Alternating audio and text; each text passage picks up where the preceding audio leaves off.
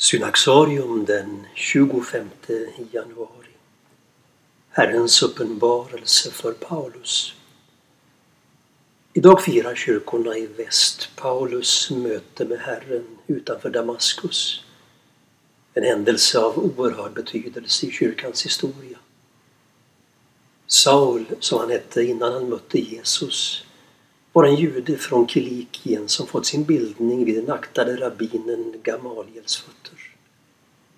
Ungefär sex år efter Jesu död och uppståndelse medan han var på väg till Damaskus för att arrestera Jesus troende judar fick han en upplevelse hur en levande och uppståndne Kristus tog honom i sitt grepp.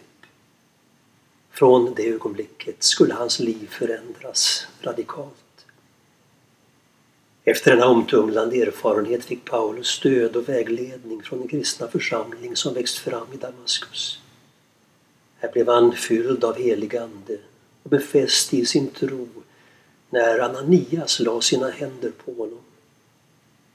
Innebörden av den unika vision han tagit emot från Kristus klarnade långsamt för honom.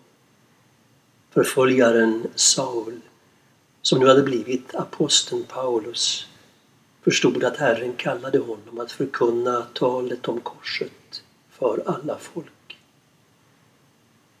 För Paulus representerar korset det mysterium genom vilket visheten i Israels heliga skrifter förkunnas. I enlighet med Guds vilja avslöjas de nu i Kristus för att uppenbaras för allt skapat. Paulus blir en förkunnare av mysteriet med den kosmiska försoning som sker genom Kristi självutgivande och anstötliga död. Överväldigad av den barmhärtighet Jesus visat när han av kärlek lät sig korsfästas insåg Paulus redan vid sin omvändelse att hans enda uppdrag skulle bli att förkunna evangeliet för jordens alla folk. Den fest som kyrkan idag firar till minne av Herrens uppenbarelse för Paulus har sitt ursprung i Gallien på 500-talet och kom från 1000-talet att sprida sig till hela den västliga kristenheten.